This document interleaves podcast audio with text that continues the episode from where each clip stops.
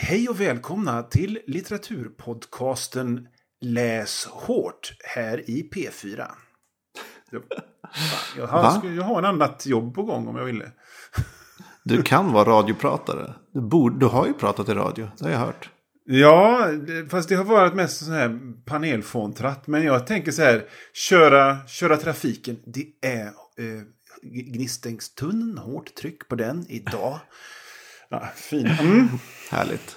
Eh, vi, ni lyssnar på Läs hårt.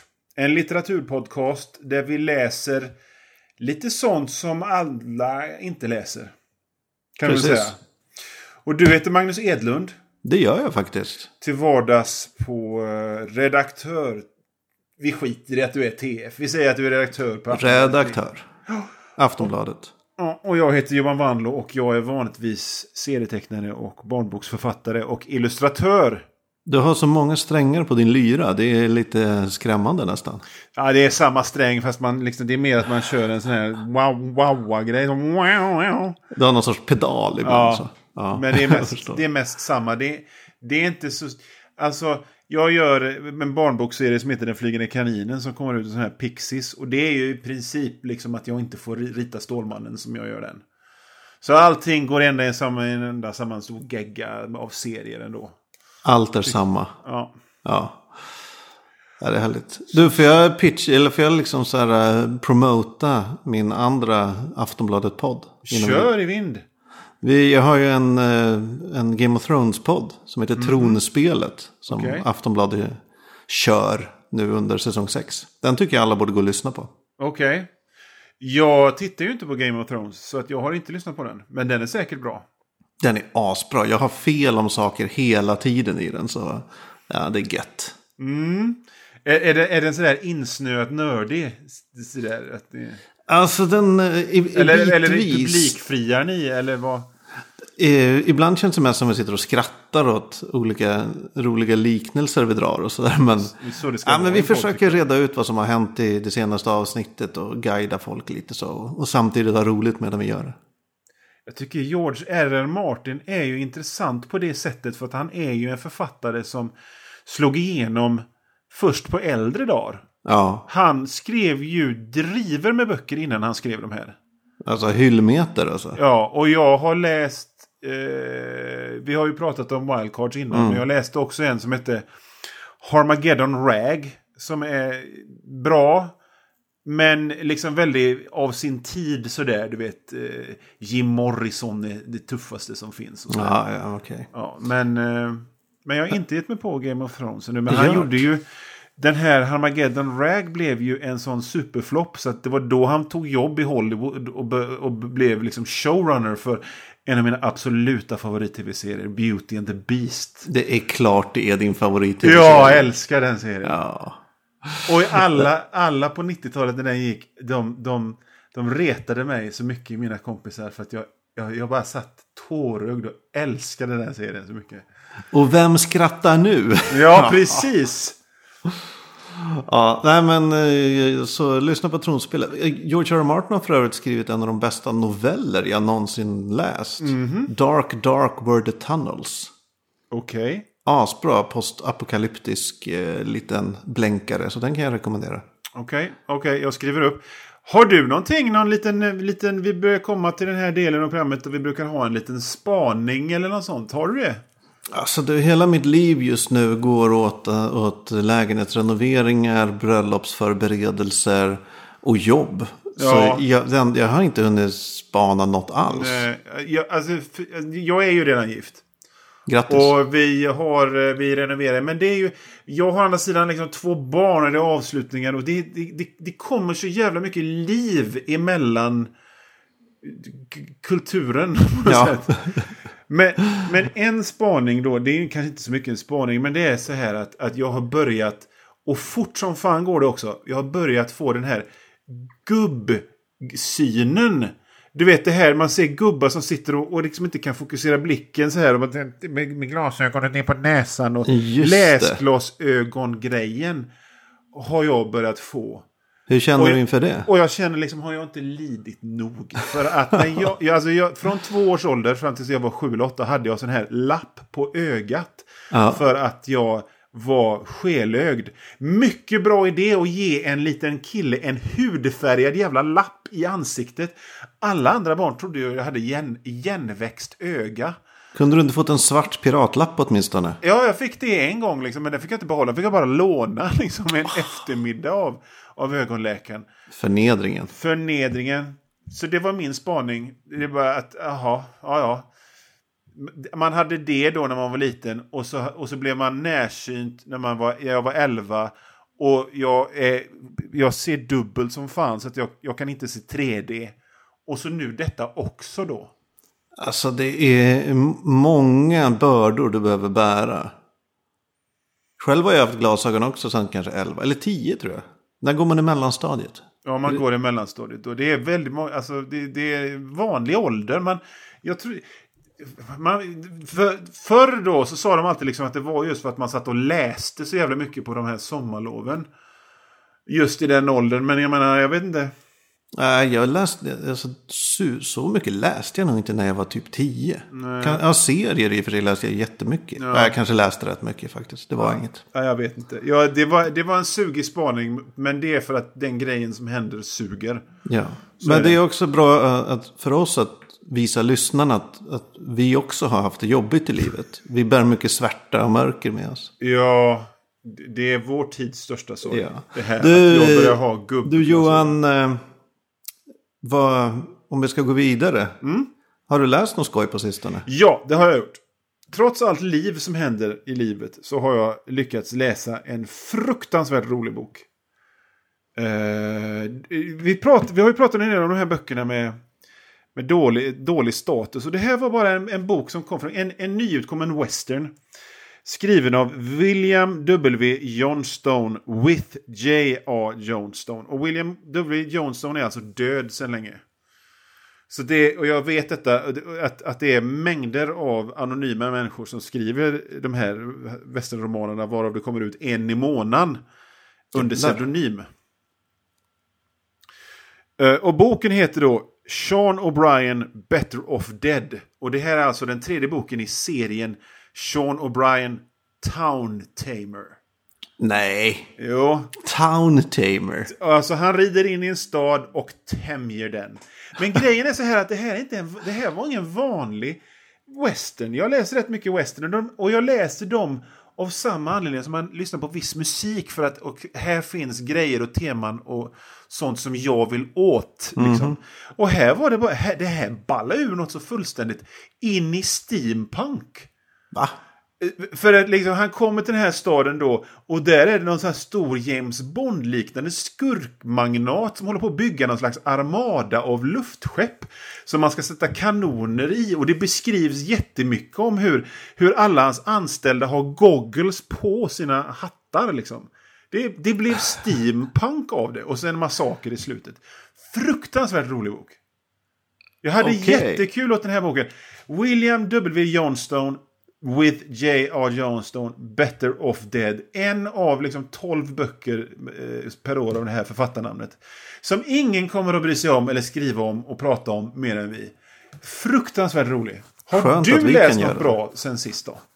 Ja, jag har inte läst något steampunk. Jag har lite problem med steampunk. Nej, Jag har också problem med steampunk. Det var bara det här att liksom, det var inte vad jag väntade mig när jag läste en, vad jag trodde skulle vara en traditionell western. Ja. Och jag tyckte att det var kul när det plötsligt bara ballade ur så fullständigt.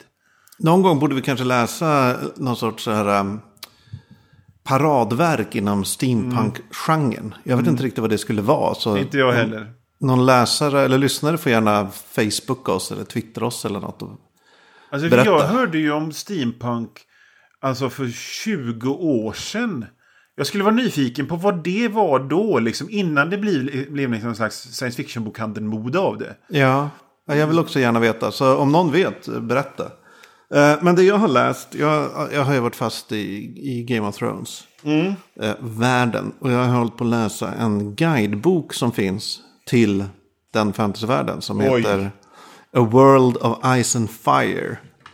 Eh, som är det i kartor och illustrationer och det går igenom hela världens historia och geografi, olika familjer och sådär. Eh, väldigt intressant, måste jag säga. Eh, Påhittad historiebok. Den är magnifik. En en rejäl så här, koff... Jag kan hålla upp den här för dig. Ja. Kanske du kan se. Oj! Liksom en stor så här, coffee table historia. Ja, det, är, det är en stor brun eller grön bok med emblem som glänser på. Ja, den är, den är egentligen grå. Jaha, okej. Ja, det är dåligt ljus här inne. Men den är då gjord eh, av Archer R. R. Martin i samarbete med mm, Elio M. Garcia Jr. och Linda Antonsson. som okej. är, ja, de är George R. R. Martins assistenter och bor i Sverige av någon konstig anledning. Så den kan jag rekommendera om man är väldigt, väldigt intresserad av Game of Thrones. Annars kan jag inte rekommendera den för då är det nog bara jätteförvirrande allting. Ja, jag, kan, jag gillar sådana där guideböcker och stora praktverk i teorin. Men i slutändan så blir jag liksom sådär.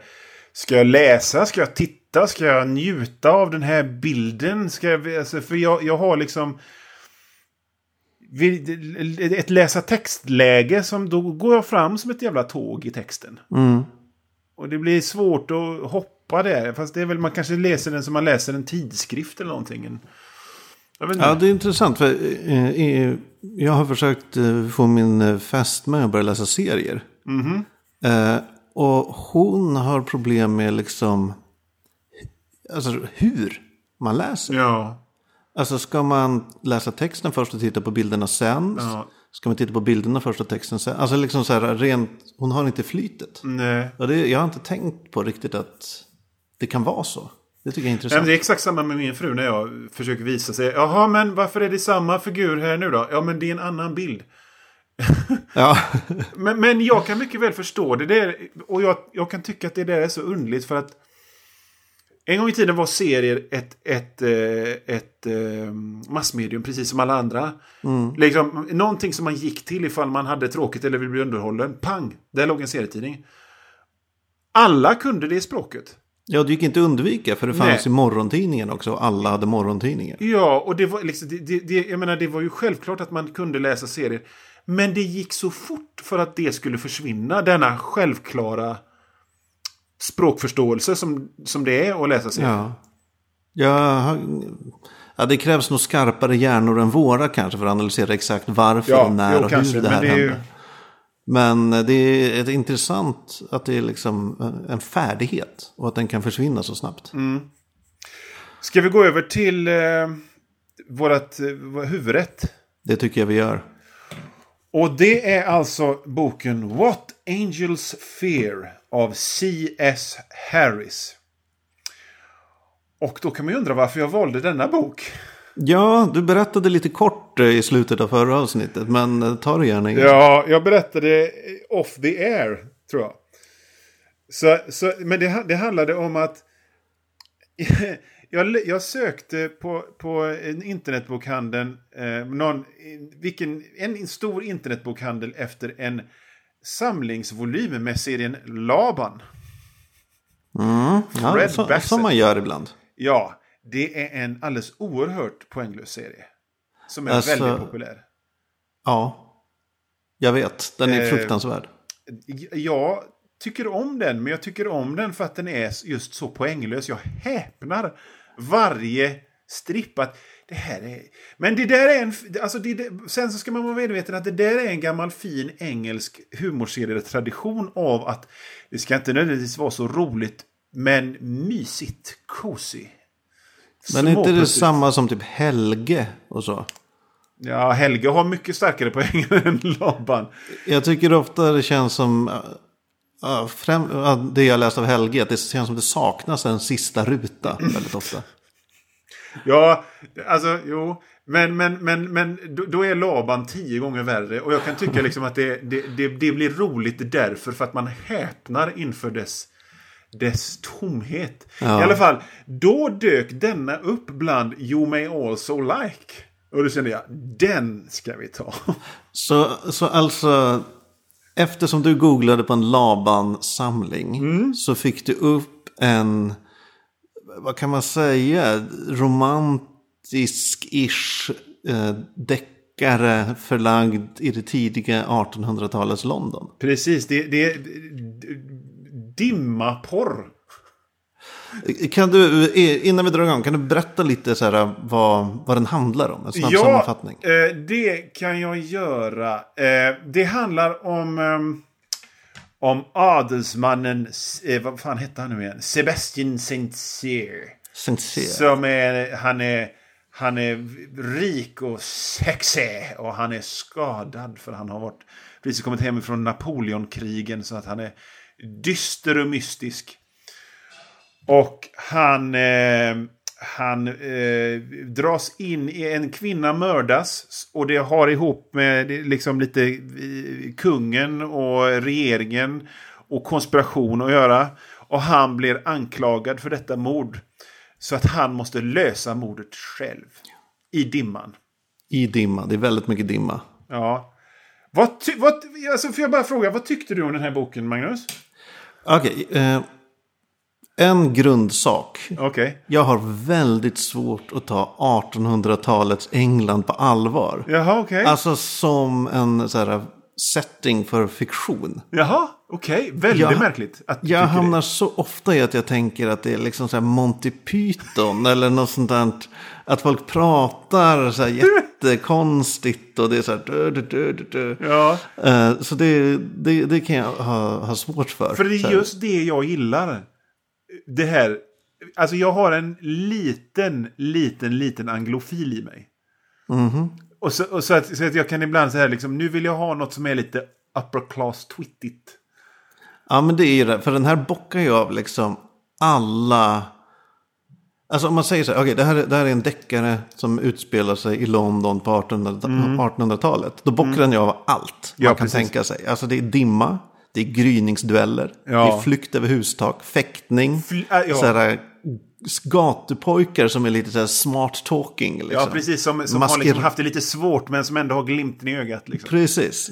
Det är maskerader, adelsmän som intrigerar och godhjärta, godhjärtade horor såklart. Exakt. Och våran lite sexy och lite hj- hjälte då som kanske inte ens så här, riktigt moraliskt eh, eh, är som en, liksom Stålmannen utan han kanske är, han kan han tycker det är lite meningslöst men i, i ögat mot det här mysteriet så, så vaknas han, vaknar han till liv liksom. Precis. Det där är ju också en typisk så här engelsk eh, äventyrsgestalt-grej. Det är, ofta, det är ofta folk som har varit med i något krig som numera är uttråkade. Så därför söker de sig till faran och brottsbekämpningen och deras sånt där.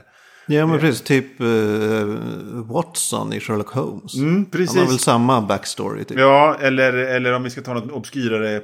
Eh, Bulldog Drummonds. Eh, Bulldog Drummond och hans kohorter. Liksom, Ja, det här gick över mitt huvud. Nej, det är en tidig eh, en, en, en, en grej som eh, en, en bokserie som, som Ian Fleming lät sig påverkas av. Det är väldigt det, det, det är liksom ett gäng engelska de, de, killar som hör ihop och som, som har ihjäl folk hit och dit i det godaste. Alltså det, ja. men, men jag måste säga att eh, Alltså, den, den funkar inte som pusseldeckare för att den struntar fullständigt i pusseldeckarens regler. Det vill säga att det här att, att ledtrådarna i pusseldeckaren ska finnas där från början för läsaren att, att se och kunna sluta sig till mördaren eh, med, med, de, med de bevis som presenteras. För det, det skiter de fullständigt i. Ja, det, man hittar inte en enda pusselbit knappt under Nej, hela... alltså det introduceras nya misstänkta var 50 sida. Men, men, och här kommer vi till grejen, för jag tror nämligen inte att det är själva deckarintrigen som är grejen, utan jag tror att det är någonting att hänga upp just det vi har pratat om, den här 1800-tals England, London, dimma, upper class twit porren på. För det jag tror att det är nämligen det det är. Folk som gillar just det där vi har pratat om. Och, och som kan läsa, alltså det spelar ingen roll vad det handlar om, bara det är det där, sida upp och sida ner, så är de nöjda. Jag tror Ja, det är men- en subgenre, jag tror att det är... Jag tror du kan ha rätt. För det, Ja. det är ju också... Ja, det är den här upper class eh, London. Mm. Men det är ju också den här ingrediensen med ett bestialiskt sexmord. Ja. Som kickar igång allt. Ja, och det beskrivs, det är ju väldigt ingående. Eller inte väldigt, men det är så här... det slås på flera gånger att de blivit våldtagen. Och det är så här, understryks om och om igen hur så här vacker hon var. Ja. Och liksom så här, och det är mycket så här, ja hon hittades med så här särade ben i kyrkan. Och så här, liksom, är, Precis, på en kyrktrapp är det också. ja, precis. Menar, Eh, men jag håller helt med dig om själva att det inte är en pusseldeckare. För Nej. alltså, eh, dramaturgin i den här, det är ju att eh, Sebastian går till misstänkt. Och så har de en dialog och så här, aha, han går därifrån, Sebastian igen. Träffar någon ny, eh, har en dialog, går därifrån. Går tillbaks till den första. Ja, och så precis. säger han typ så här, så säger den här första han pratar med. Eh, vad vill du nu? Och då svarar Sebastian, how about the truth for a change? Ja, det och så pågår det. Ja, det händer hela tiden. Ja, ja, ja, ja. Det, ja. Alltså, jag, jag måste säga att... Alltså till att börja med så började boken med en, liksom en saftig two-punch. She blamed the fog. Var den första raden. Och sen är det, är det en duell med vår hjälte. Liksom. Ja. För att han, han, han duellerar mot någon för att han har varit, han har varit framme och jufsat med den här personens fru. Obs bara som vän. Ja. Han skulle aldrig liksom ligga Nej. med någons fru. Alltså, alltså, jag hade väldigt roligt när jag läste den här, även om jag kanske inte ska läsa, alltså... Jag tycker om det här överlastade, det var, det var liksom, språket är ödesmättat och melodramatiskt. Det är som en Jim Steinman-låt hela tiden liksom. Ja, och det är så väldigt så här, kompakt. Det är Ja! så mycket detaljer och beskrivningar hur folk ser ut och egenskaper och så här. Och jag menar, det var precis, du sa kompakt, jag skriver mina, jag har mina anteckningar här, hög densitet. Ja. Alltså det är inte helt lättläst, det är som en slags litterär tjockmatta, men jag kan gilla det. ja, det har sin charm alltså. Ja. Sen, sen tycker jag tyvärr inte att den är... Alltså den är inte tillräckligt bra för att vara så, vad ska man- säga, så tjock som den Nej, är. det, den är, alltså jag, intresset mattades efter 250 sidor. Kan Ja, jag alltså du har ju rätt i att den- den börjar ju bra. Den börjar jävligt spännande. Men sen blir det lite segt. Och sen kanske det blir spännande igen. Sen blir det lite segt igen. Och sen är det så här. Framåt slutet hade jag egentligen ganska svårt att bry mig. Ja, jo, exakt, exa- Jag hade svårt att hänga med vem som var vem och så vidare. Men det där är ett problem jag har med precis all kultur överhuvudtaget. Det är för långt. Ja. Jag menar, det finns, ing, alltså, det finns ytterst få böcker. Nu kanske du, Game of Thrones-fanset, inte håller med. Men jag tycker liksom... Det finns få, jävligt få romaner som behöver vara längre än 250 sidor egentligen. Den här är ju 410. Ja. Den, ja, det, och det är minst 200 för 100 lång. mycket. Eller hur? Ja, ja, absolut. Den kan lätt kortas till hälften. Eh, Game of Thrones är lite specialfall tycker jag. Ja. Eller något. Men, men, men jag tyckte samtidigt, det, så länge det var bra så var det bra på ett bra... Alltså det var, det var ett vackert språk som samtidigt var okomplicerat. Och så var det hela berättat i bilder hela tiden. Till exempel det var någon som, någon, vad- vad, är, du, vad är du rädd för? Frågar Sebastian, en kvinna. Alltså, En snara som äh, avtecknar sig mot morgondiset. Det är jag rädd för. Alltså, jag, ty- jag var rätt såld på det där faktiskt. Jag tycker det, det, det, sånt är kul att läsa för att Alltså fördomen om till exempel kiosk, kioskböcker det är ju att de är så här överlastade och melodramatiska. Men oftast så är det ju inte alls så. Ofta är de bara torftiga och torra och att de inte riktigt når fram. Och att det bara är liksom litet och pluttigt och det är inte riktigt, det, det, det, går, det går inte till 11, det går till 7. Förstår du? Men här går det till 11 i alla fall. Ja, men verkligen. Eh, det är... ja, alltså, det Hon, hon ju- tar i författaren. Hon tar i så det bara knökar. om Hela det. jävla tiden. Och det kanske är lite grann det som gör att man blir lite trött på det till slut. Till exempel, det var någon, jag skrev upp det, det var en, någon, någon eh, dialog. Eh, eh, det var inte ens en dialog ens, utan det var bara liksom, but why? Why? Stod det vid ett tillfälle. Det, jag, jag tycker det, problemet är ju också att hela handlingen grundar sig, eller det stora the big reveal. Ja. är ju egentligen att det är så här, några politiska eh, kamper i bakgrunden. Så här, Mellan olika falanger inom eh, kungens eh, hov. Och det är ju fruktansvärt ointressant. Ja, det är extremt ointressant. För man känner ingenting för det här. Man kanske måste vara britt för att fatta liksom.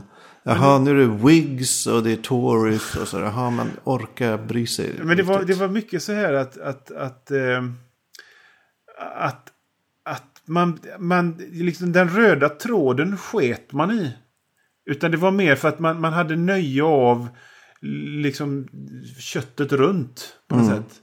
Men just den röda tråden, den, den tappade jag bort flera gånger. Det var ju som när jag, alltså, vi spelade in lite sent eh, den här gången. Vi brukar, alltså, vi, det brukar, bok, böckerna brukar vara liksom lite i färskare minne. Men, men jag hade lite svårt att säga, ja, ja, vad handlar det nu om nu när jag ska berätta det? Jag hade svårt att komma ihåg faktiskt. Just själva historiens motor. Ja, alltså det, en, det finns ju ingen motor. Eller Nej. motorn är att han hela tiden försöker hitta nya sätt att eh, komma på vem som var mördaren.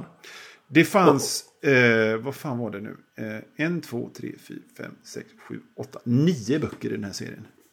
Jag undrar vad fan de andra handlar om.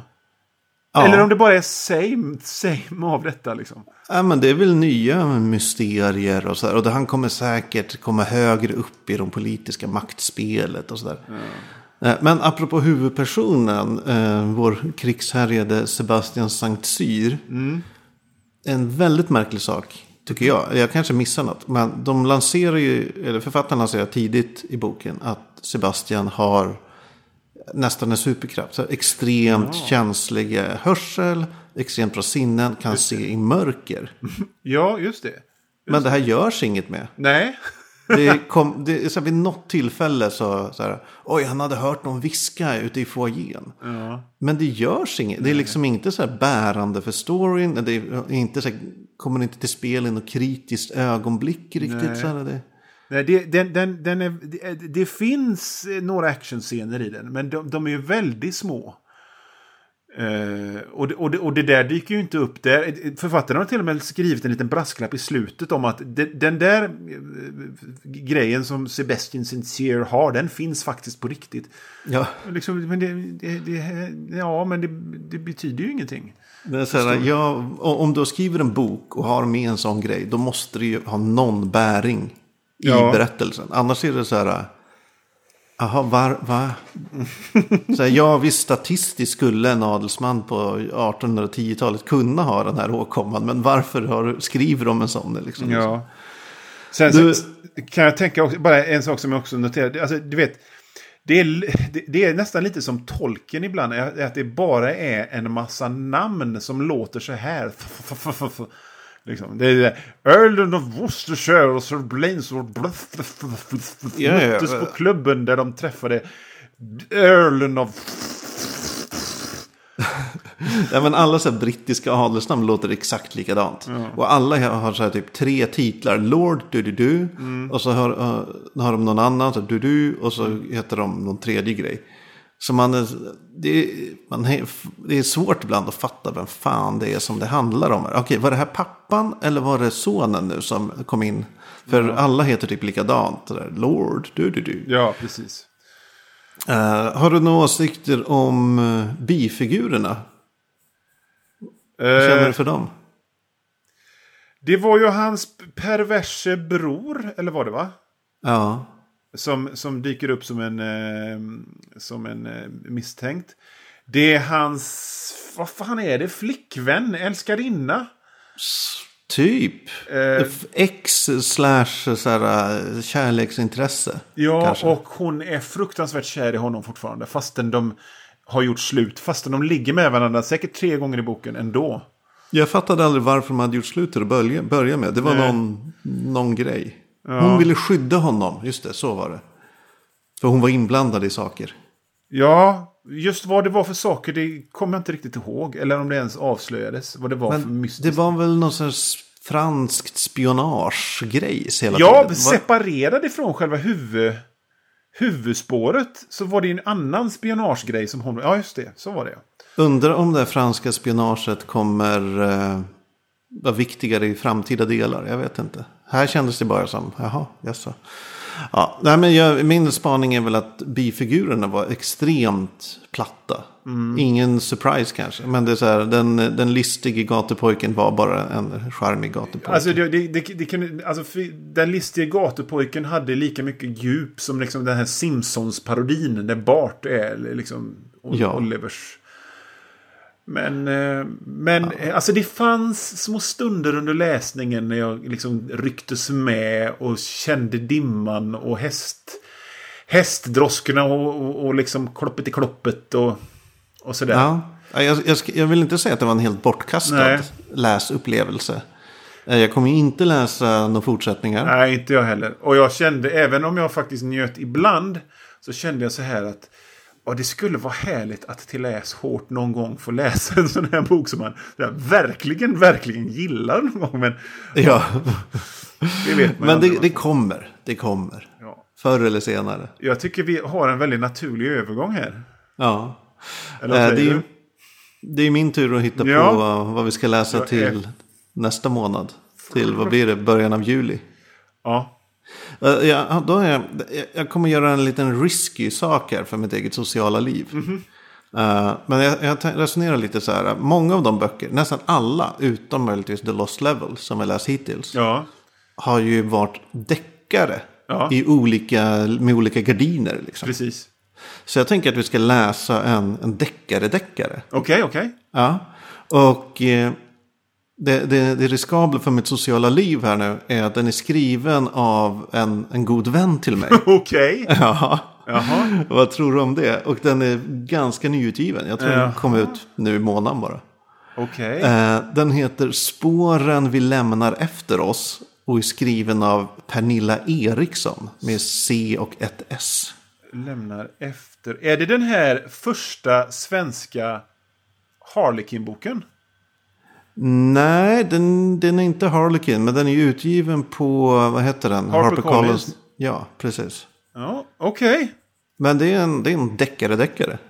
Eh, de har ju lyckats ganska bra i lanseringen av denna bok. För att den här kände jag ju till. Även om jag inte har någon koll alls på, på, eh, på deckare-deckare så. Speciellt inte svenska. Jag läser nästan aldrig deckare-deckare. Så det här ska bli väldigt spännande. Mm. Av många anledningar. Men det är ju också ganska lämpligt för, alltså sommaren är ju den stora deckarläsande Ja. högtiden i Sverige. Men vi kanske kan köra liksom good cop, bad cop. Då. Att, Ja. Eftersom det är din, din vän så, så får du ta de snälla grejerna. Så får, så får jag såg. Om, om det behövs, om det behövs sågas. Det vet man ju inte. Vi märker. Ja. Är Ja, men det ska bli intressant. väldigt intressant. Eh, och med det så kanske det är dags att eh, slå ihop pärmarna på den här boken. Ja, vilken, det- där knöt vi ihop P4-säcken lite. Exakt. Ja. Även jag kan. När får vi ett P4-program tillsammans kanske? Du kan läsa, eh, vad heter det, trafiknyheterna och jag kan ta vädret eller något. Ja, Och så är det bara det. alltså, alltså jag tycker det låter så härligt. Fem timmar på förmiddagen. Bara så kallprat. Och så spelar man lite status quo eller vad fan man spelar i P4. Se detta som en... Eh, se detta som en, eh, ett, ett, eh, en showreel kan vi säga. Precis, ett arbetsprov som vi när som helst skickar till någon P4-chef. Ja.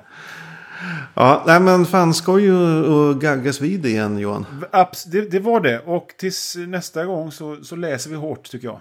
Det gör vi. Läs hårt. Läs hårt.